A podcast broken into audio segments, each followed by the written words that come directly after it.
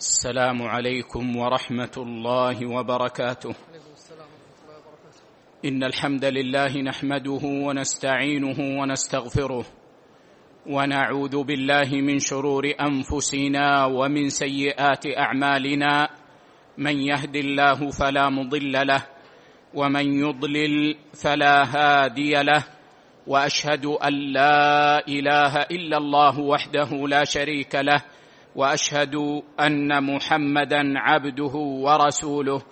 يا أيها الذين آمنوا اتقوا الله حق تقاته ولا تموتن إلا وأنتم مسلمون. يا أيها الناس اتقوا ربكم الذي خلقكم من نفس واحدة وخلق منها زوجها وبث منهما رجالا كثيرا ونساء. واتقوا الله الذي تساءلون به والأرحام إن الله كان عليكم رقيبا. يا أيها الذين آمنوا اتقوا الله وقولوا قولا سديدا. يصلح لكم أعمالكم ويغفر لكم ذنوبكم. ومن يطع الله ورسوله فقد فاز فوزا عظيما. أما بعد فإن خير الحديث كتاب الله. وخير الهدي هدي محمد صلى الله عليه وسلم وشر الأمور محدثاتها وكل محدثة بدعة وكل بدعة ضلالة وكل ضلالة في النار. ثم يا معاشر الفضلاء إن درسنا في عصر الأربعاء في علم أصول الفقه في علم من أعظم وأنفع علوم الآلة ينتفع منه طالب العلم وسامعه في أمور كثيرة فينتفع به في تفسير القرآن وشرح أحاديث الرسول صلى الله عليه وسلم فإن كثيرا من قواعد التفسير موجودة في علم أصول الفقه كما ينتفع به العارف به في فهم كلام العلماء. فإذا قرأ كتابا فإنه يفهمه فهما صحيحا مستقيما كما أن طالب العلم يتدرج به ليكون لينتقل من مرحلة التقليد إلى مرحلة الاتباع والموازنة بين الأدلة والترجيح بين أقوال علماء الأمة. ففيه فوائد عظيمة. وقد كتب الشيخ الإمام الفقيه الأصولي محمد بن صالح بن عثيمين كتابا مختصرا مفيدا في علم أصول الفقه سماه الأصول من علم الأصول. ونحن نشرح هذا الكتاب ونبين مراد العلماء بالمباحث الأصولية ونقرب المعاني إلى الأذهان ما أمكننا ذلك. فمما لا شك فيه أن العلم ولا سيما بأصول الفقه قد استقر لكن الشيخ الذي يدرس أصول الفقه إنما يقرب معانيه وينتقي منه ما يصلح أن يضاف إليه. وكنا بحمد الله قد فرغنا من شرح ما يتعلق بالعام والخاص. ونشرح اليوم إن شاء الله ما يتعلق بالمطلق والمقيد. فيتفضل الشيخ الدكتور ياسين وفقه الله والسامعين يقرأ لنا. الحمد لله رب العالمين والعاقبة للمتقين ولا عدوان إلا على الظالمين وأشهد أن لا إله إلا الله وحده لا شريك له الحق المبين وأشهد أن محمدا عبده ورسوله إمام المتقين. صلى الله عليه وعلى آله وصحبه أجمعين. أما بعد يقول الإمام الشيخ ابن عثيمين رحمة الله عليه المطلق والمقيد. نعم الأصوليون يذكرون المطلق والمقيد بعد العام والخاص لأن المطلق فيه عموم ولكنه عموم خاص فهو عموم بدلي وليس كعموم العام. ولذلك لا يذكره الأصوليون في مباحث العام لأن عمومه يختلف عن عموم العام ويذكرونه بعد العام مباشرة لأن فيه نوع عموم. فهو يشبه العام ولذلك يذكرونه بعده.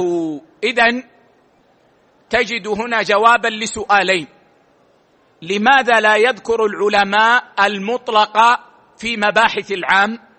والجواب لأن عمومه يختلف عن عموم العام كما سيأتينا بعد قليل إن شاء الله عز وجل.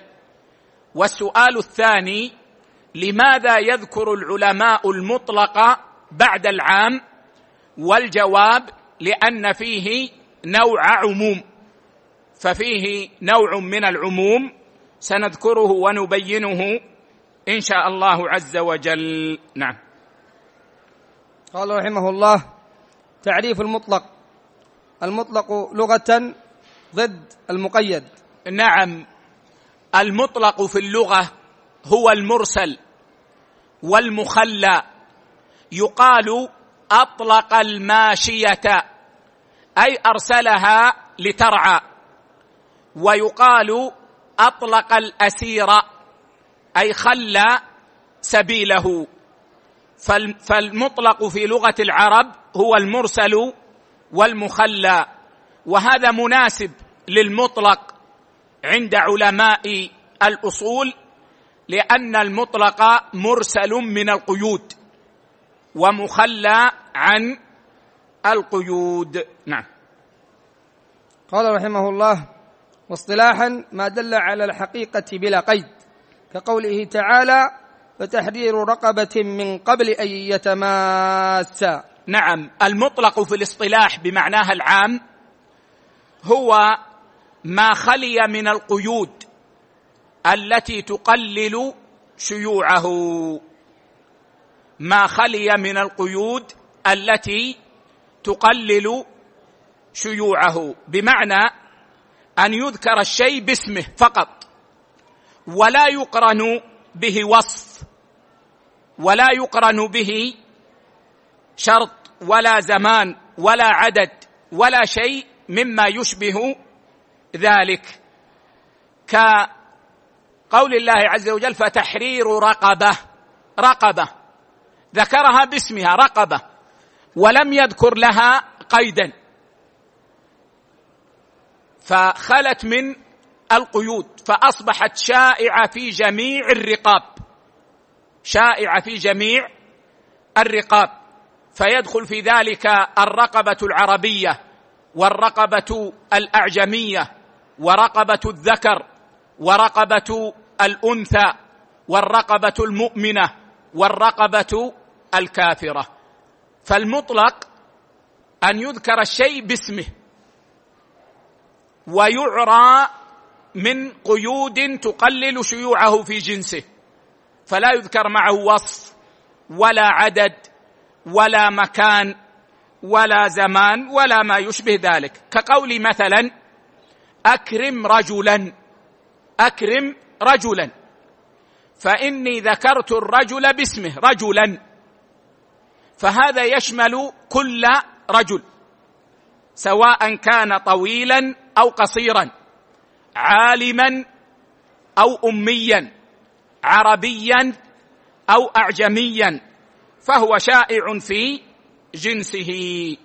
ولذلك المطلق في اصطلاح الأصوليين ما دل على فرد شائع في جنسه.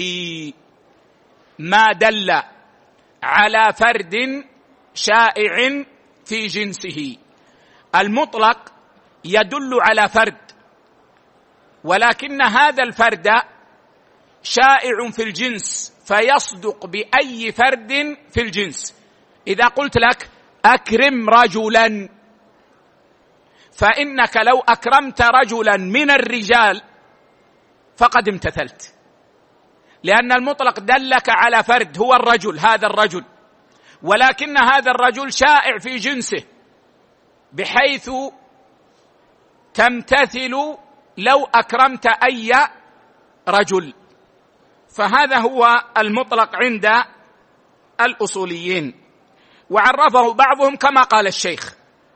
ومعنى هذا التعريف أن المطلق هو اللفظ الذي يدل على الحقيقة من حيث هي بدون اعتبار أي قيد من وحدة أو شرط أو وصف أو زمان أو مكان. فمثلا قولنا حصان حصان. حصان هذا يدل على الحيوان الصاهل المعروف من غير قيد. فلم يعتبر في هذا اللفظ قيد من القيود التي تقلل من شيوعه وانتشاره. فلم يوصف بوصف ولم يشترط فيه شرط ولم يقيد بمكان ولا بزمان. فهذا هو المطلق. وجمع بعض العلماء بين التعريفين. فقال المطلق هو اللفظ المتناول لواحد غير معين باعتبار حقيقة شاملة لجنسه. هو اللفظ المتناول لواحد غير معين باعتبار حقيقة شاملة لجنسه. فهو لفظ يتناول فردا ولكن هذا الفرد غير معين بل هو شائع في جنسه. فأي فرد من الجنس يصدق عليه؟ وإذا فعل المطلوب لفرد من الجنس برئت الذمة. نعم. قال رحمه الله فخرج بقولنا ما دل على الحقيقة العام لأنه يدل على العموم لا على مطلق الحقيقة فقط. معنى ما دل على الحقيقة أنه ما دل على ماهية الشيء. وماهية الشيء كما يقول العلماء هي المفهوم المشترك. الذي يجمع الأفراد. رجل رجل. هذه حقيقة جنس الرجال. المفهوم المشترك الذي يجمع الرجال جميعا أنهم رجال. ثم يتفاوتون منهم طويل منهم قصير منهم عربي منهم أعجمي منهم مسلم منهم كافر.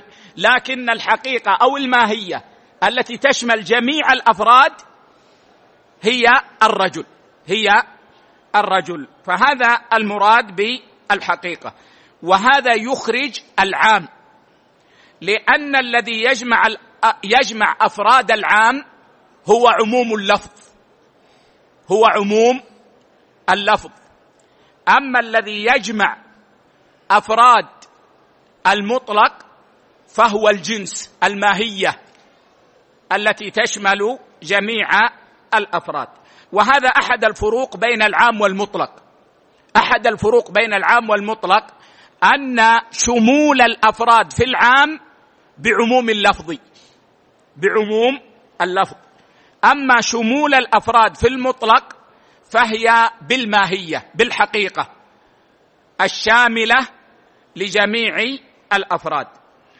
من الفروق بينهما أيضا أن استغراق العام لافراده شمولي. فيدخل فيه جميع الأفراد دفعة واحدة. أما استغراق المطلق لافراده فهو بدلي. فهو بدلي.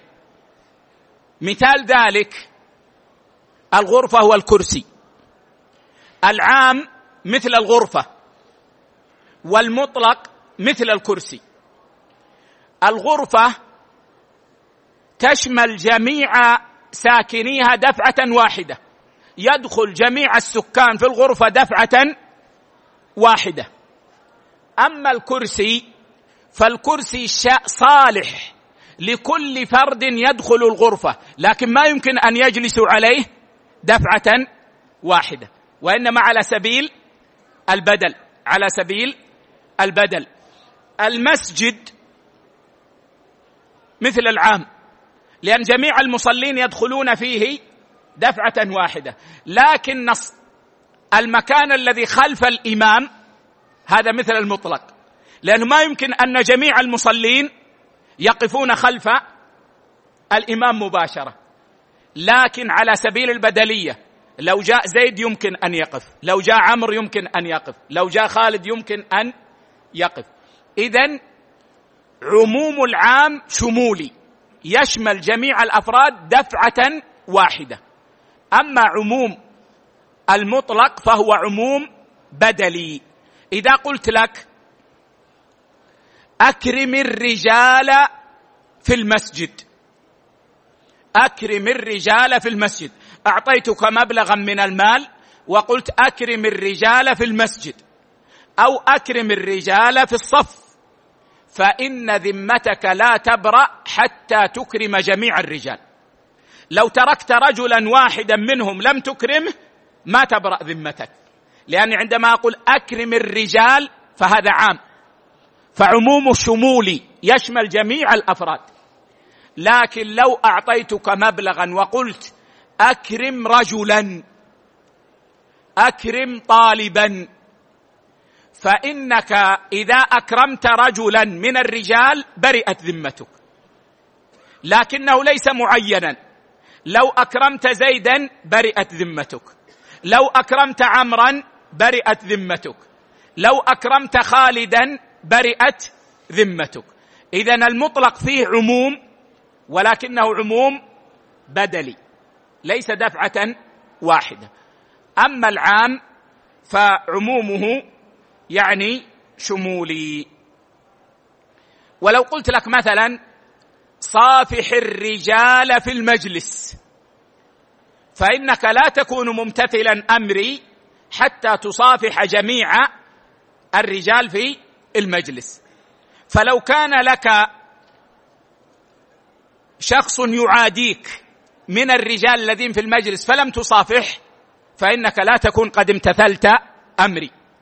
لكن لو قلت لك صافح رجلا في المجلس فصافحت رجلا واحدا امتثلت أمري. أيضا من الفروق بين العام والمطلق فرق من جهة النكرة. فإن النكرة في سياق النفي أو النهي عامة. أما النكرة في سياق الإثبات فهي مطلقة. لو قلت لك لا تكلم رجلا اليوم. لا تكلم رجلا اليوم. رجل هنا نكره في سياق النفي. فهي هنا مباشرة تعرف أنها للعموم كما تقدم معنا. فلا تكلم أي رجل. في ذلك اليوم. لكن لو قلت لك كلم رجلا كلم رجلا. فرجل هنا نكره في سياق الإثبات. ليس في سياق النفي ولا في سياق النهي. فتكون مطلقة. فتكون مطلقة. اذا يظهر الفرق بين العام والمطلق في النكرة. في النكرة. فإذا كانت النكرة في سياق نفي أو إثبات فهي عامة. وإذا كانت النك في سياق نفي أو نهي فهي عامة. أما إذا كانت في سياق الإثبات فهي مطلقة. وهذه علامة يعرف بها طالب العلم يعني المطلق من العام. أيضا من الفروق بينهما عند أهل العلم أن تقليل أفراد العام يسمى تخصيصا. أن تقليل أفراد العام أو تقليل شمول العام لأفراده يسمى تخصيصا. أما تقليل شيوع المطلق فيسمى تقييدا. فيسمى تقييدا. أيضا من الفروق بينهما وهذا فرق مهم أن حكم الخاص يخالف حكم العام. أن حكم الخاص يخالف حكم العام. ولذلك كان التخصيص اخراجا. أما حكم المقيد فإنه يوافق حكم المطلق.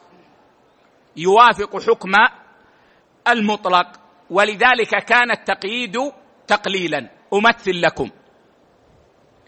والعصر إن الإنسان لفي خسر. إلا الذين آمنوا وعملوا الصالحات وتواصوا بالحق وتواصوا بالصبر. والعصر إن الإنسان إن جنس الإنسان ما حكمه في خسر. هذا العام هذا حكم العام. الإنسان في خسر. إلا الذين آمنوا. هذا تخصيص. هذا تخصيص. فحكم الخاص هنا يخالف حكم العام. فالذين آمنوا وعملوا الصالحات وتواصوا بالحق وتواصوا بالصبر هل هم في خسر؟ لا. بل هم في ربح وفلاح وفوز. اذا حكم الخاص يخالف حكم العام. أما حكم المطلق فإنه يوافق حكم المقيد فإنه يوافق حكم المطلق. قلت لك أكرم رجلا. هذا مطلق. قلت أكرم رجلا طويلا. هذا مقيد. هل بينهما اختلاف في الحكم؟ لا أكرم أكرم. فالحكم سواء. غير أنه زيد في المطلق قيد قلل الشيوع والانتشار. نعم. قال رحمة الله عليه وخرج بقولنا بلا قيد المقيد. وسيأتي تعريف المقيد. نعم. قال تعريف المقيد. المقيد لغة ما جعل فيه قيد من بعير. من بعير ونحوه. نعم المقيد في لغة العرب يا إخوة ما جعل فيه قيد وأصل القيد هو الحبل يوضع في رقبة الدابة أو في رجلها ليمنعها من الانطلاق. أصل القيد حبل يوضع في رقبة الدابة أو في رجلها. يمنعها من الانطلاق. فهذا هو أصل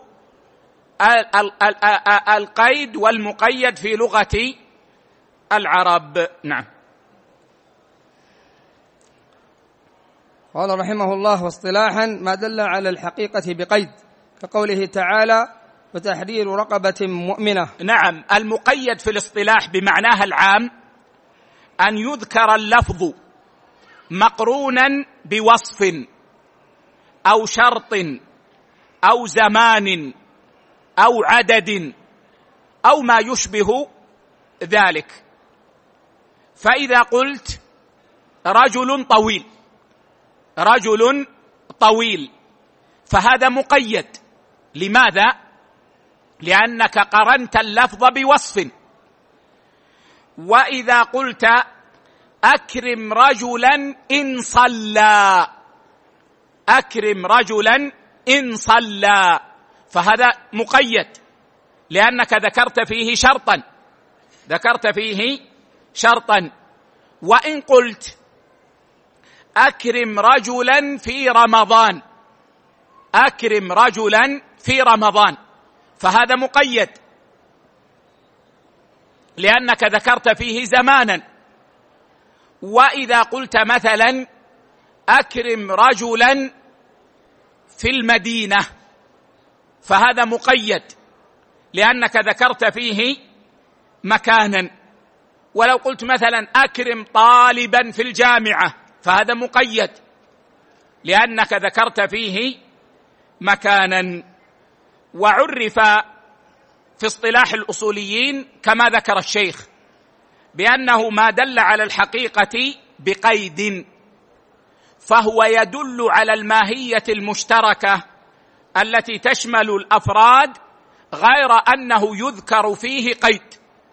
عندما أقول لك أكرم رجلا طويلا أكرم رجلا طويلا أكرم رجلا.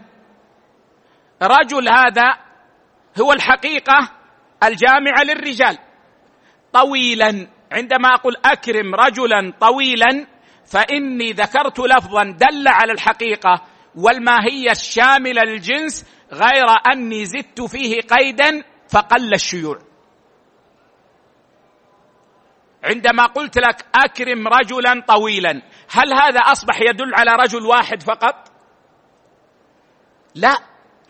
لا زال يدل على الجنس لكن زدنا فيه قيدا قلل شيوعه فخرج الرجال القصار. وبقي الطوال.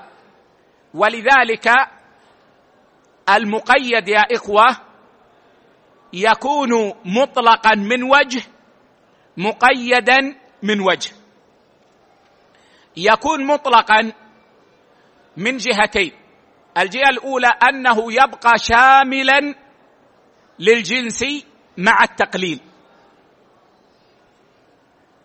ووجه آخر أنه من جهة بقية الصفات يبقى مطلقا. عندما قلت لك أكرم رجلا طويلا. طيب بقي مطلقا من جهة كونه عربيا أو اعجميا من جهة كونه مسلما أو كافرا. فيكون مطلقا من هذا الوجه. ويكون مقيدا باعتبار ذكر القيد. باعتبار ذكر القيد. فهذا معنى هذا التعريف. والتقييد قد يكون باللفظ قد يكون بكلام. مثل أكرم رجلا طويلا. أكرم رجلا طويلا. القيد ما الذي دل عليه؟ اللفظ الكلام. وقد يكون بالنية قد يكون بالنية. كأن تقول لله علي أن أحج. لله علي أن أحج. وأنت تقصد بعد ثلاث سنوات. من جهة اللفظ هذا مطلق. لله علي أن أحج. متى؟ غير مقيد. لكن بنيتك نويت بعد ثلاث سنوات. فيقيد هذا الكلام بالنية. يقيد هذا الكلام بالنية. وقد يكون التقييد بدلالة العادة. بدلالة العادة. كما لو قلت لك اشتري لي لحما. اشتري لي لحما. طبعا لحما هنا نكرة في سياق الإثبات فتكون مطلقة. لكن إذا جرت عادتنا بان لا نأكل إلا لحم الإبل لو جرت عادتنا في البلد ان لا لا نأكل إلا لحم الإبل لا نأكل سمكا ولا نأكل دجاجا ولا نأكل غنما ولا نأكل بقرا. عادتنا أن نأكل لحم الإبل. فقلت لك اشتري لي لحما. فإن هذا المطلق يقيد بالعادة. فكأني قلت لك اشتري لي لحم بعير أو لحم حاشي. بما جرت به العادة. لو قلت لك مثلا أسقني ماء. أسقني ماء. هذا مطلق. يشمل الماء الحلو العذب والماء المالح والماء الحار والماء البارد. لكن قلت لك أسقني ماء فذهبت وأتيتني بماء مالح من ماء البحر.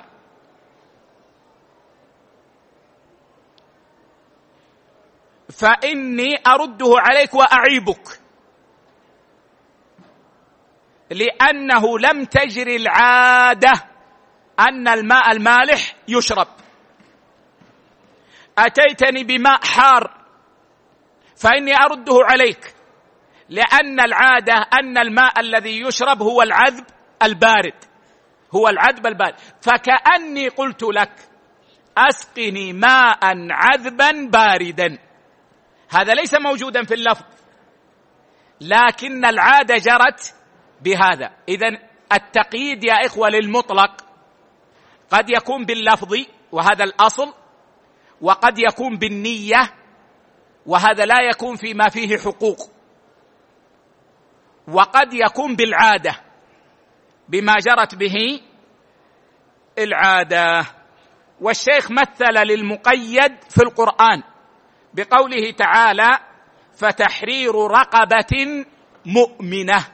فتحرير رقبة. رقبة هذا مطلق. فلما جاء لفظ مؤمنة قيدت الرقبة بالإيمان فقل شيوعها في جنسها وخرجت الرقبة الكافرة.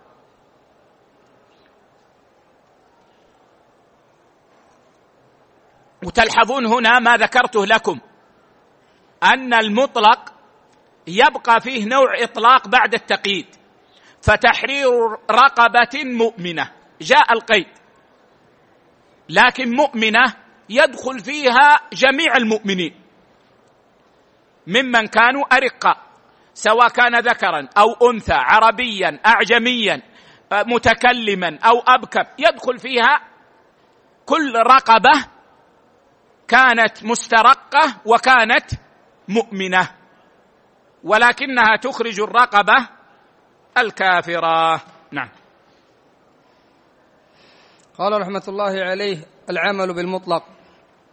يجب العمل بالمطلق على إطلاقه إلا بدليل يدل على تقييده لأن العمل بنصوص الكتاب والسنة واجب على ما تقتضيه دلالتها حتى يقوم دليل على خلاف ذلك. نعم هذا في حكم المطلق إذا انفرد ولم يكن معه مقيد. فإن العلماء يقولون المطلق يجري على إطلاقه ما لم يقم دليل التقييد نصا أو دلالة. فإذا ورد لفظ مطلق في نص من النصوص فإن العلماء اتفقوا على أنه يحمل على إطلاقه يحمل على إطلاقه. وليس من أحد وليس من حق أحد أن يقيده أو يقلل شيوعه بدون دليل.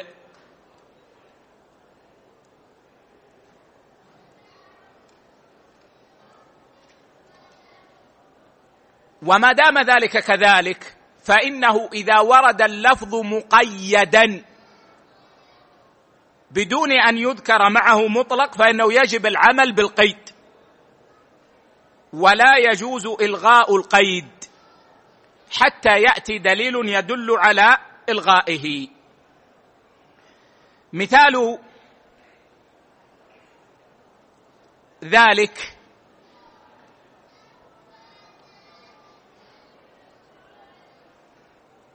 قول الله عز وجل في كفارة الظهار فمن لم يجد فصيام شهرين متتابعين من قبل أن يتماسا. فمن لم يجد فصيام شهرين. هذا مطلق. لكنه قيد في الآية فصيام شهرين متتابعين. فيجب العمل بهذا القيد. فمن ظاهر ووصل إلى أن يكفر بالصيام فإنه يجب أن يصوم شهرين متتابعين. وليس لأحد أن يلغي القيد ويقول التتابع فيه مشقة على الناس والناس اليوم مشغولون وعندهم وعندهم فيكفي أن يصوم شهرين. مفرقين. نقول لا ما يجوز أن تلغي القيد إلا بدليل ولا دليل يدل على إلغاء هذا القيد. ومن أمثلة المقيد في النصوص لكن ألغي هذا القيد لدليل قول الله عز وجل في آية المحرمات من النساء وربائبكم اللاتي في حجوركم من نسائكم اللاتي دخلتم بهن. فحرم الله الربيبة. والربيبة هي بنت الزوجة. بنت الزوجة. قال وربائبكم اللاتي في حجوركم. هذا قيد. يعني الربيبة التي في حجرك متربية في بيتك. من نسائكم اللاتي دخلتم بهن. هذا قيد. ثان وهي أن يكون الزوج قد دخل بأم الربيبة.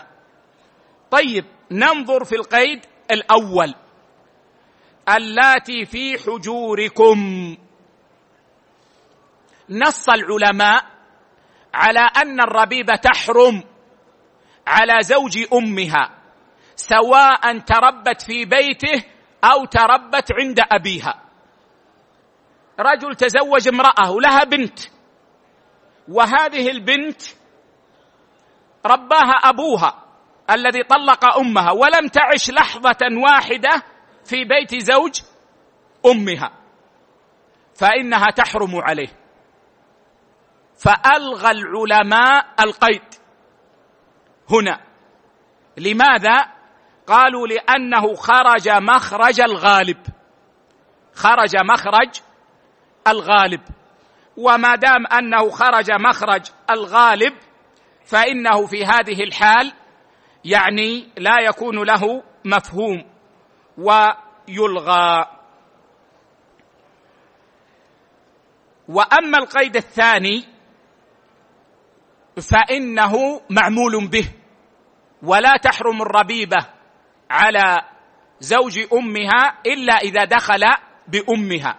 أما إذا عقد على أمها ثم لم يدخل بها وفارقها فإنها لا تحرم عليه. بعض أهل العلم قال في الآية ما يدل على إلغاء القيد الأول واعتبار القيد الثاني. في قول الله عز وجل فإن لم تكونوا دخلتم بهن فلا جناح عليكم. فإن لم تكونوا دخلتم بهن أي بالزوجة بالأم فلا جناح عليكم. قالوا ففي في هذا المقام أعاد الله عز وجل القيد الثاني.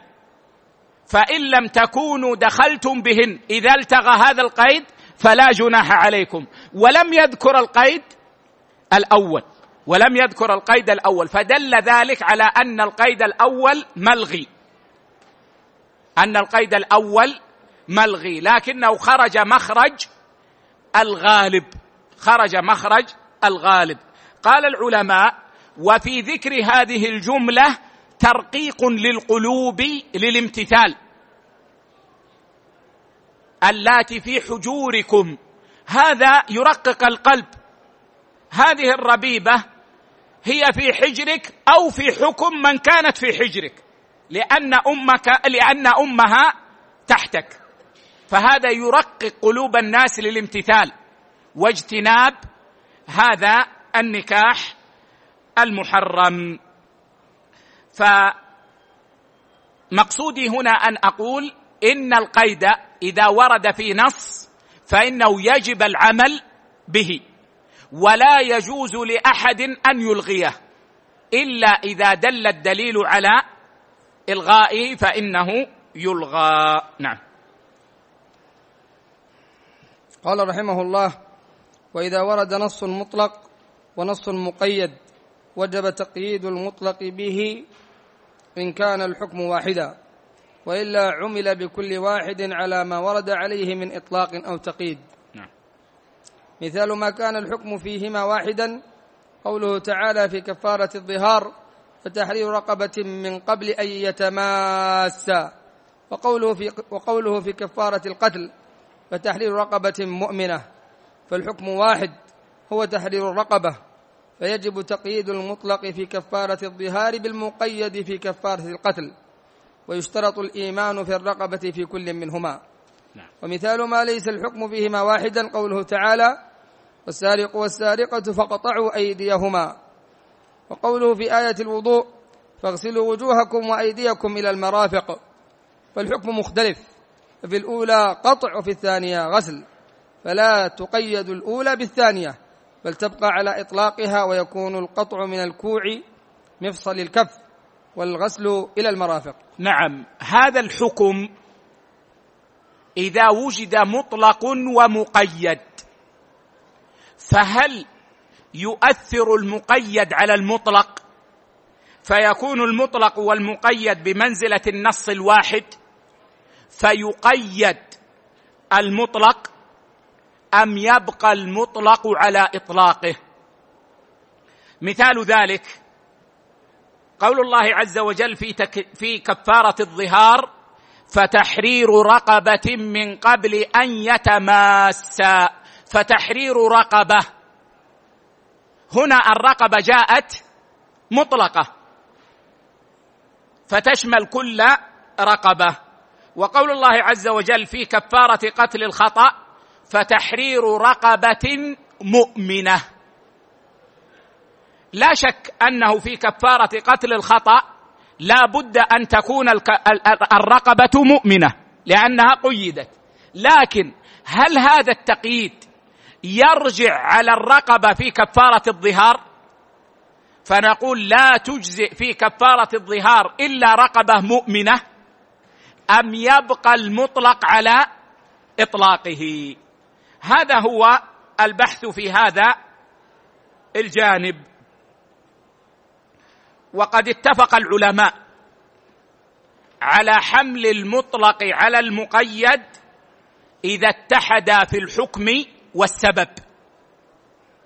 إذا اتحدا في الحكم والسبب يجب حمل المطلق على المقيد باتفاق العلماء. ومثال هذه الحالة ما جاء في الحديث أن النبي صلى الله عليه وسلم قال للمجامع امرأته في نهار رمضان هل تجد رقبة؟ قال لا. قال وهل تستطيع صيام شهرين؟ قال لا. قال فأطعم ستين مسكينا. متفق عليه. فقال وهل تستطيع صيام شهرين؟ لاحظوا هنا هذا مطلق. لم يقيد بماذا؟ بالتتابع. وجاء أنه صلى الله عليه وسلم قال له فهل تستطيع أن تصوم شهرين متتابعين؟ وهذا أيضا متفق عليه. اذا جاءنا مطلق وهو هل تستطيع أن تصوم شهرين؟ وجاءنا مقيد وهو هل تستطيع أن تصوم شهرين متتابعين؟ والحكم واحد وهو وجوب الكفارة. والسبب واحد وهو الجماع في نهار رمضان. هنا أجمع العلماء على أن المطلق يحمل على المقيد. فيجب أن يصوم شهرين متتابعين. فلو جاءنا واحد وقال لا أنا آخذ بما في البخاري ومسلم. في قول النبي صلى الله عليه وسلم هل تستطيع أن تصوم شهرين؟ فلا أوجب عليه التتابع. يصوم كما شاء. يصوم شهرين ولو فرقهما. وهذا حديث صحيح في الصحيحين. قلنا له أنت عرفت الحديث لكنك لم تعرف الفقه. فإن العلماء مجمعون على أن هذا المطلق يحمل على المقيد. هل تستطيع أن تصوم شهرين متتابعين؟ ففي هذه الحالة اتفق العلماء. كما اتفق العلماء على أنه إذا اختلف الحكم والسبب لا يحمل المطلق على المقيد. إذا اختلف الحكم والسبب لا يحمل المطلق على المقيد باتفاق العلماء. ومثاله ما ذكره الشيخ حيث قال قوله تعالى والسارق والسارقة فاقطعوا أيديهما. فاقطعوا أيديهما. هذا مطلق. من أين؟ ما قيد. وقال الله عز وجل في آية الوضوء فاغسلوا وجوهكم وأيديكم إلى المرافق. إلى المرافق. فعندنا هنا مطلق ومقيد. اليد في آية السرقة أطلقت. وفي آية الوضوء قيدت إلى المرافق. طيب ننظر إلى الحكم. ما الحكم في آية السرقة؟ قطع اليد. ما الحكم في آية الوضوء؟ غسل اليد. اذا الحكم مختلف أو واحد؟ مختلف. طيب ما السبب؟ ما سبب قطع اليد في آية السرقة؟ السرقة. ما سبب غسل اليد في آية الوضوء؟ الحدث مع إرادة الصلاة. الحدث مع إرادة الصلاة. اذا الحكم مختلف والسبب هنا أجمع العلماء على أن المطلق لا يحمل على المقيد. بل يبقى المطلق على إطلاقه. فيصدق بالفرد الكامل ولذلك تقطع يد السارق من الكوع. لأنها يد. فيقتصر على الفرد الكامل من اللفظ. لأن إلى الكوع يد إلى المرفقين يد إلى الكتف يد. وقلنا إن المطلق يصدق بفرد. فإذا قطعت من الكوع صدق أن اليد قطعت. ويجب غسل اليدين في الوضوء إلى المرافق. وهذا باتفاق العلماء. لا يحمل المطلق على المقيد. أما إذا اختلف المطلق والمقيد حكما واتحدا سببا. حكمهما مختلف والسبب واحد. مثال ذلك ما في قول الله عز وجل يا أيها الذين آمنوا إذا قمتم إلى الصلاة فاغسلوا وجوهكم وأيديكم إلى المرافق. مع قوله سبحانه وتعالى في شأن التيمم فامسحوا بوجوهكم وأيديكم إن الله كان عفوا غفورا. فامسحوا بوجوهكم وأيديكم. طيب الآن عندنا الوضوء والتيمم ما سببهما؟ سبب الوضوء والتيمم الحدث مع إرادة الصلاة. الحدث مع إرادة الصلاة فالسبب واحد لكن الحكم مختلف. في الوضوء ماذا؟ غسل. وفي التيمم مسح. وفي التيمم مسح. ففي هذه الحال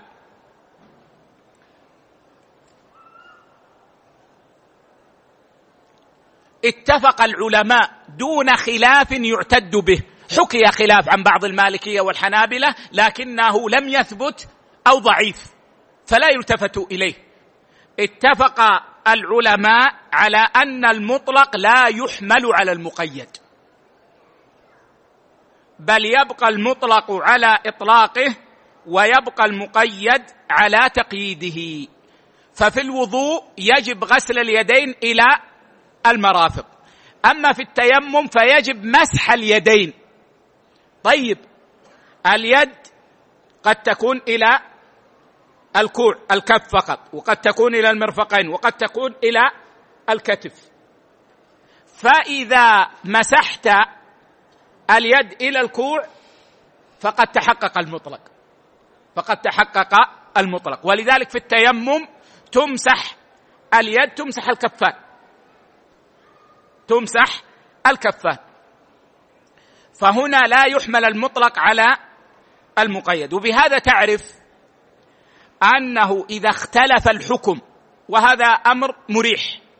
إذا اختلف الحكم فإن المطلق لا يحمل على المقيد سواء اتحد السبب أو اختلف السبب. لأن ذكرنا في الحالة التي قبل هذه إذا اختلف السبب وقلنا لا يحمل المطلق على المقيد. وهنا إذا اتحد السبب اذا هكذا احفظ. إذا اختلف الحكم فإن المطلق لا يحمل على المقيد. سواء اتحد السبب أو اختلف السبب. وهذا محل اتفاق بين العلماء بقي معنا. إذا اتحد الحكم واختلف السبب. عكس الحالة السابقة. إذا اتحد الحكم واختلف السبب. كما في قول الله عز وجل في كفارة القتل الخطأ فتحرير رقبة مؤمنة. مع قوله سبحانه وتعالى في كفارة الظهار فتحرير رقبة. فهنا يا إخوة الحكم واحد وهو اعتاق الرقبة. في كفارة قتل الخطأ الحكم اعتاق الرقبة. في كفارة الظهار الحكم اعتاق الرقبة. اذا الحكم واحد. لكن السبب مختلف. لأنه في كفارة قتل الخطأ فالسبب هو قتل الخطأ. وفي كفارة الظهار فالسبب هو الظهار. إذا اتحد الحكم واختلف السبب. هنا اختلف العلماء. فذهب الجمهور إلى أن المطلق يحمل على المقيد. إلى أن المطلق يحمل على المقيد. جمعا بين الأدلة. فيقولون جاء في حكم واحد فالأقرب أن يتحدا. فتحرير رقبة فتحرير رقبة مؤمنة. ويشهد لهذا أن الرجل الذي صك جاريته وأراد أن يعتقها سألها النبي صلى الله عليه وسلم أين الله؟ فأشارت بأصبعها وقالت في السماء. فقال من أنا؟ فقال لها فقالت رسول الله. قال أعتقها فإنها مؤمنة. فهذا يشعر بأن الرقبة التي تعتق هي المؤمنة. ولذلك سألها النبي صلى الله عليه وسلم فلما تبين أنها مؤمنة قال أعتقها. فهذا يشهد لقول الجمهور إن المطلق يحمل على المقيد فلا بد من رقبة مؤمنة في كفارة الظهار وفي كفارة قتل الخطأ. ويرى الحنفية أنه يعمل بالمطلق على إطلاقه وبالمقيد على تقييده. قالوا لأن السبب مختلف فلا يجمع بينهما. والراجح والله أعلم أنه يحمل المطلق على المقيد بطريق القياس. يحمل المطلق على المقيد بطريق القياس. فنقيس الرقبة في الظهار على الرقبة في قتل الخطأ بجامع الإعتاق في كل. وهكذا. فالراجح من أقوال أهل العلم أنه يحمل المطلق على المقيد ولكن بطريق القياس لا بطريق اللفظ. فهذه أحوال المطلق والمقيد التي يذكرها الأصوليون.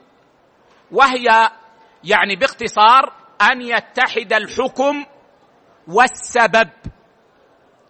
فهنا يحمل الم... فهنا يحمل المطلق على المقيد بإجماع العلماء. الحالة الثانية أن يختلف الحكم. حتى لو لم تذكر السبب. أن يختلف الحكم. فإذا اختلف الحكم فإنه لا يحمل المطلق على المقيد. سواء اتحد السبب أو اختلف السبب ولذلك لسنا بحاجة إلى ذكر السبب أن يختلف الحكم.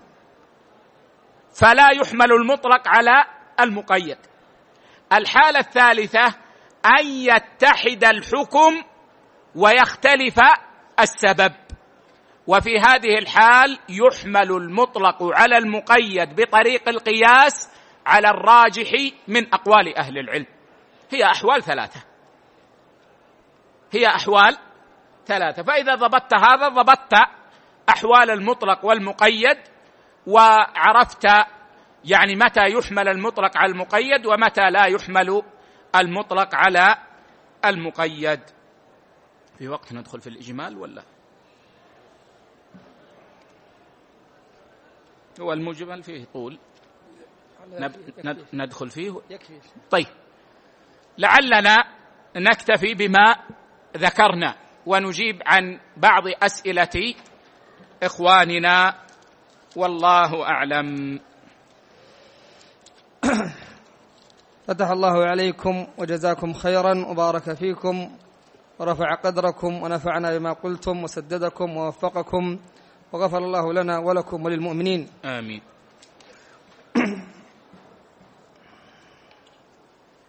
أحسن الله إليكم وجزاكم خيرا فيما يتعلق ب قول العلماء خرج مخرج الغالب. آه، هل يكون ذلك لدليل حتما؟ هو لدليل يبنى إما على الاستقراء أو يبنى على دلالات النصوص فتكون مشعرة بهذا الأمر. وليس من باب التحكم ليس من باب التحكم. لابد من دلالة تدل على أنه خرج مخرج الغالب.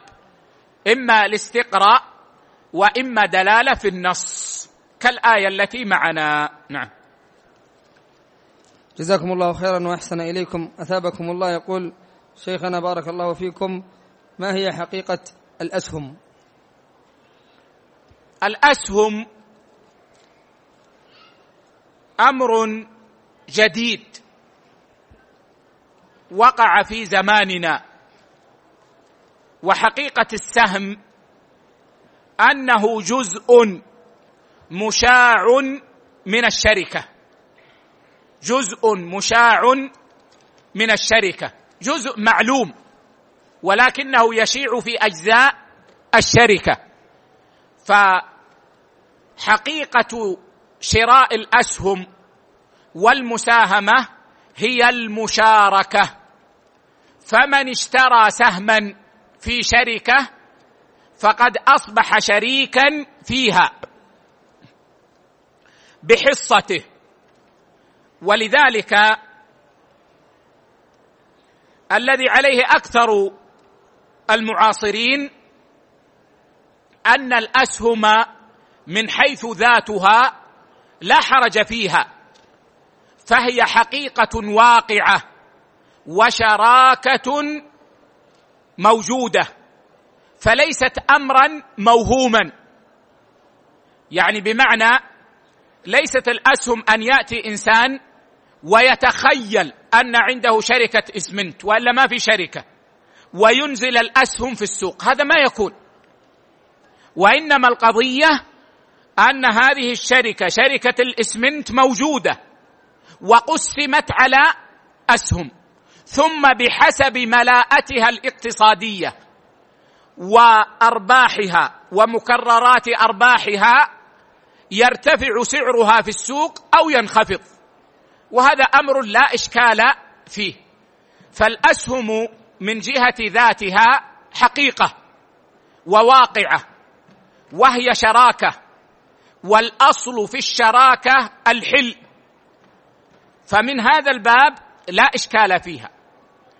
والأسهم تنقسم إلى ثلاثة أقسام. أسهم نقيه وهي الأسهم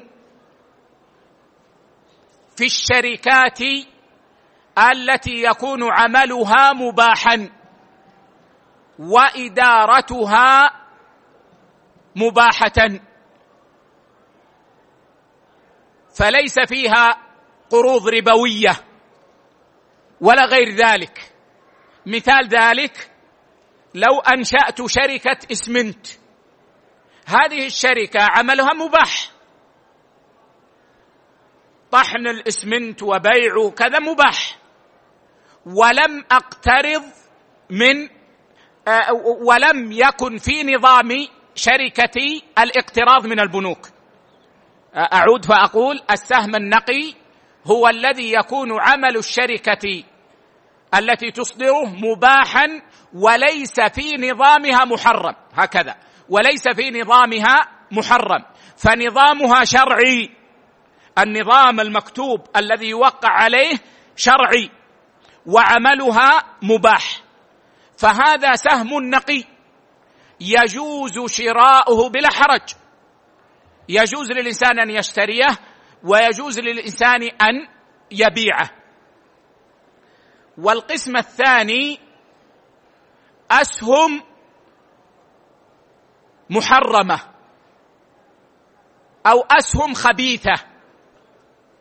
وذلك إذا كانت الشركة تعمل في حرام أو كان نظامها فيه حرام.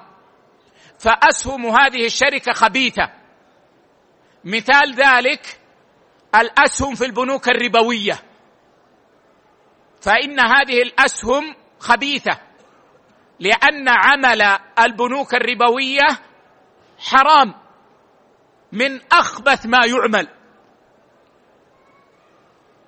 أو كانت الشركة تعمل عملا مباحا لكن نظامها المكتوب فيه أنها تقترض من البنوك الربوية. أو نحو ذلك فهذه أيضا أسهمها خبيثة. وحكم هذه الأسهم أنه يحرم شراؤها ويحرم بيعها.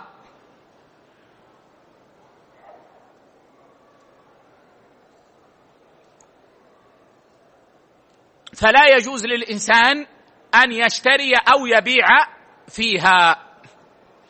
وربحها مال حرام خالص. والنوع الثالث أسهم مختلطة. متى يصح أن نقول إن الأسهم مختلطة؟ في حالة واحدة.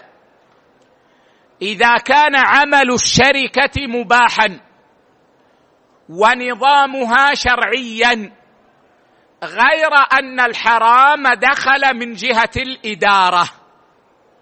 لم يدخل من جهة العمل ولا من جهة النظام.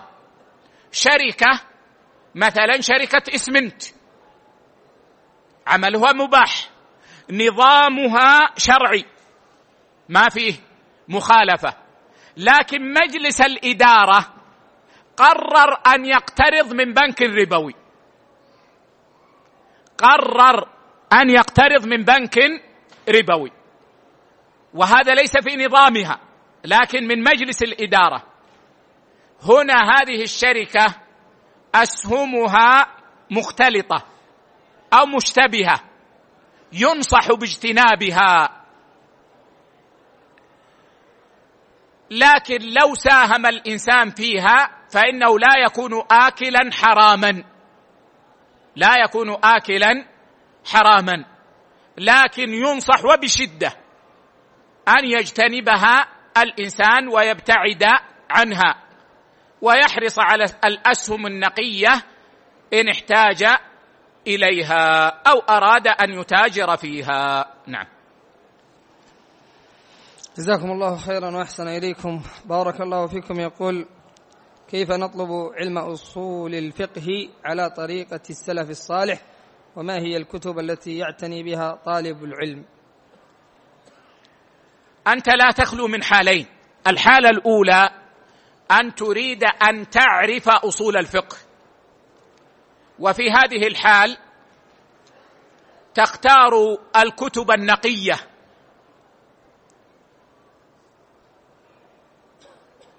مثل كتاب الأصول من علم الأصول لشيخ ابن عثيمين. ومثل روضة الناظر وشرح الكوكب المنير لابن النجار. ومثل منظومة الشيخ الأثيوبي في الأصول. ومثل ما سطره الشيخ حافظ حكمي. ومثل ما سطره الشيخ عبد الرحمن بن سعدي. وتكفيك.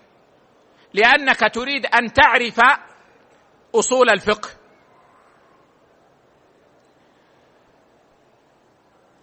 وإما أن تريد أن تتخصص في الفن أو تتعمق فيه. فهنا لا بد لك من كتب الفن. غثها وسمينها مما اعتبر في الفن. لكن يجب عليك أن تكون متسلحا بسلامة العقيدة والقوة فيها وبمعرفتك لكلام السلف. وهذا أعني أن تقرأ في كتب الفن لا بد منه إذا أردت أن تتخصص في الفن وأن تتعمق فيه. لكن احرص على أن تقرأ على عالم سلفي صاحب عقيدة وصاحب توجه سليم حتى ينبهك على مزالق الأصوليين. وقد كتب الصنعاني كتيبا أسماه بمزالق الأصوليين وهو مطبوع لكنه لم يستوعب مزالق الأصوليين. فالمزالق في كتب أصول الفقه كثيرة ولذلك اقرأ على عالم أو اقرأ وارجع إلى عالم سلفي صاحب عقيدة صاحب منهج صاحب تعظيم للسنة يعني ينبهك إلى الغلط ويشرح لك الصواب ويحل لك مغاليق أصول الفقه. نعم. جزاكم الله خيرا وأحسن إليكم. يقول هذا السائل هل بعض الأصوليين لا يفرقون بين المطلق والعام والخاص والمقيد؟ لا لا يوجد لا أعلم احدا من علماء أصول الفقه لا يفرق بين العام والمطلق. نعم. جزاكم الله خيرا وأحسن إليكم. يقول هذا السائل هل إذا اغتسل الرجل قبل الفجر وذهب إلى المسجد ماشيا وبقي فيه حتى صلاة الجمعة نال الفضل المذكور في الحديث الذي أشرتم إليه أم عليه الرجوع بعد صلاة الفجر إلى منزله والاغتسال ثم الذهاب إلى المسجد. الذي عليه جماهير العلماء من السلف والخلف أن غسل الجمعة لا يكون إلا بعد الفجر من يوم الجمعة وبعد وقبل صلاة الجمعة. خالف في الأول أحد التابعين فيما أتذكر ولا أعلم غيره. خالف في هذا. أما الذي عليه الجماهير فهو أن الغسل يكون بعد الفجر غسل الجمعة. وهل يكون بعد أذان الفجر أو بعد صلاة الفجر؟ محل خلاف. والراجع عندي أنه يكون بعد طلوع الفجر. فإذا أذن الفجر وكان الإنسان جنبا فاغتسل بنية الجنابة والجمعة ثم ذهب إلى المسجد وبقي كما قال الأخ أرجو أن يكون قد دخل في الفضل. أما إذا اغتسل قبل الأذان فلا لا يدخل في الفضل. وكثير من أهل العلم يرون أنه يكون بعد صلاة الفجر لكن يعني الأقرب والله أعلم أنه بعد دخول الفجر يبدأ وقت غسل الجمعة وخالف في الطرف الثاني وهو أن يكون الغسل قبل صلاة الجمعة الظاهرية. ورأوا أنه لو اغتسل ولو بعد صلاة الجمعة يكون ممتثلا للأمر. نعم. صلى الله عليكم. آخر الوقت لدخول في لفظ من بكر وابتكر. التبكير نسبي. والناس فيه مراتب. فمن راح في الساعة الأولى فكأنما قرب بدنه كأنه اشترى بدنه وذبحها وتصدق بها. ومن راح في الساعة الثانية فكأنما قرب بقرة.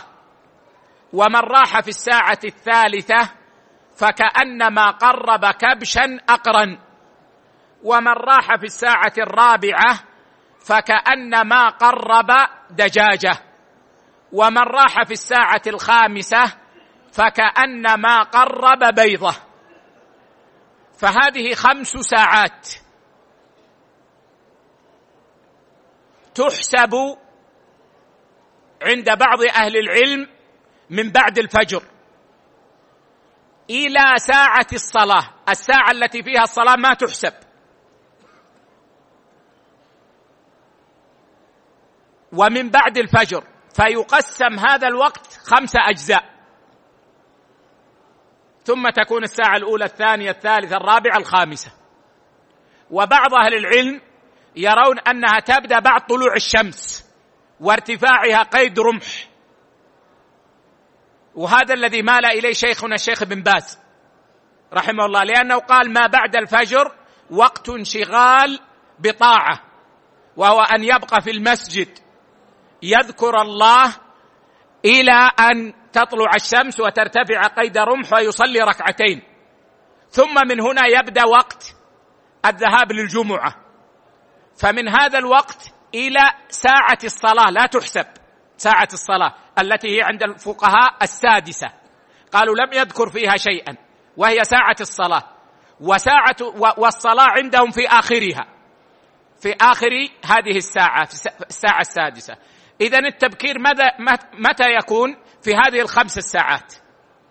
فإذا خرجت الخامسة ودخلت ساعة الصلاة جزء الذي يقع فيه الصلاة فإنه لا يكون مبكرا. نعم يدرك الفضل ويكتب اسمه في الصحف في الصحف طالما أن الخطيب لم يخرج. لكنه لا يكون مبكرا. هذا عند جمهور أهل العلم. أما بعض أهل العلم فيرون أن التبكير يبدأ بعد دخول وقت الجمعة. فهي ساعات يسيرة عندهم خمس ساعات يسيرة متقاربة وهذا مذهب الإمام مالك رحمه الله لكنه مرجوح. فإنه لو كان ذلك كذلك لما كان هناك مزيد فضل في مثل هذا العمل. والراجح ما قدمناه.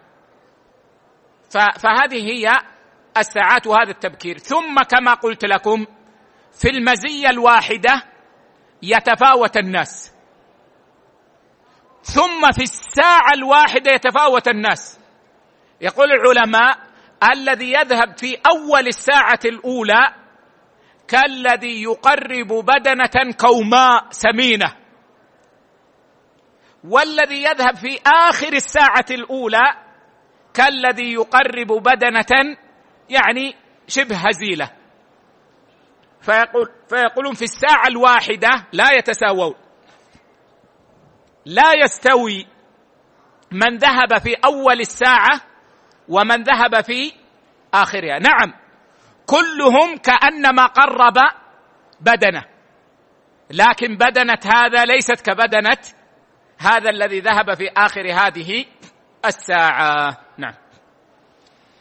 جزاكم الله خيرا وأحسن إليكم. يقول ترى إذا ما أكملت جواب السؤال نبهوني لاني أنا ذهني أحيانا يعني لا أتذكر أحيانا كامل السؤال. نعم. وفقط في جميع الساعات هذه يدخلون في آه نعم يدخل في التبكير يدخل في التبكير.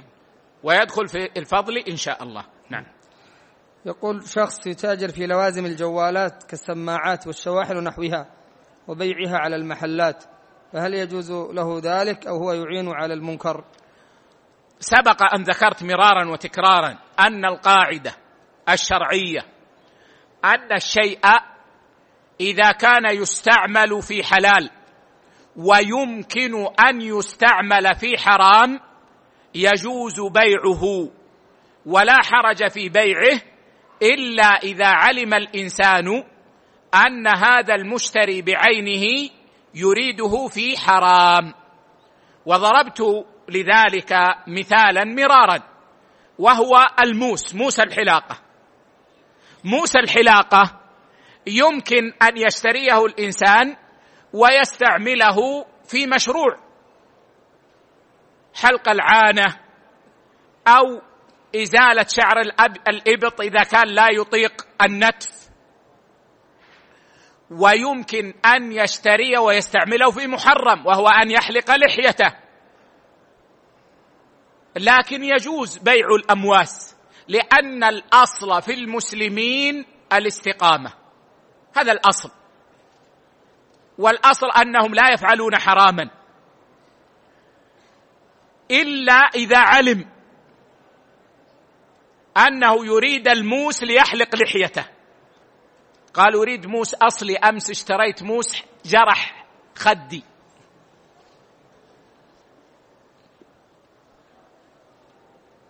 هذا ما يجوز أن يبيعه.